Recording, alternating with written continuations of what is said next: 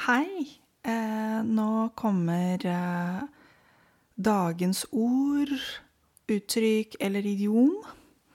Eh, jeg har tenkt å hjelpe dere med ord eller uttrykk eh, hver dag for å bli flinkere i norsk og forstå bedre norsk. Dagens uttrykk er å sove som en stein.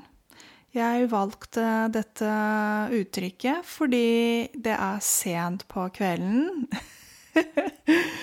Og så tenker jeg at jeg eh, Jeg tror at jeg kommer til å sove som en stein. Hva betyr å sove som en stein? Eh, det betyr å sove godt og uthvilt. Jeg staver for dere uthvilt. U-T-H-V-I-L-T. Og å sove godt og uthvilt er noe positivt. Eh, det er noe som er bra.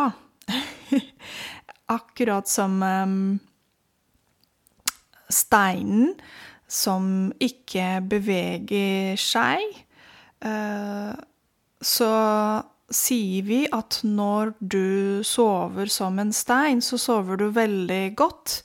Uforstyrret.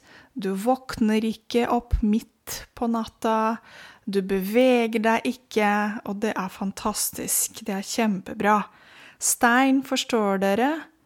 Det er noe som vi har i skogen, kanskje på gatene noen ganger, men mer vanlig i skogen. Eh, det er nede på bakken, og stein er noe som eh, Ja, hva skal jeg si Husker dere at før, uh, før vi fikk papir, så skrev vi på stein? Før vi hadde papir. Da brukte vi stein for å skrive på. Ok? Det er stein. Noe hardt. Stein er hard. Og du kan også bruke stein for, eksempel, for å kaste den på overflaten av vannet, eller inn i vannet. ok? Så husk dette her. Å sove som en stein er noe godt og positivt. Eh, på engelsk så er det 'to sleep uh, as a log'. Ja, så det er egentlig ikke så langt fra det norske uttrykket. Det var dagens, dagens idiom. Tusen takk for at du lytter til podkastene mine. Så kommer det nye minipodkaster eh, i morgen og dagen etter, om to dager, i overmorgen osv. osv. Ha en fantastisk kveld videre, så håper jeg du sover som en stein i dag.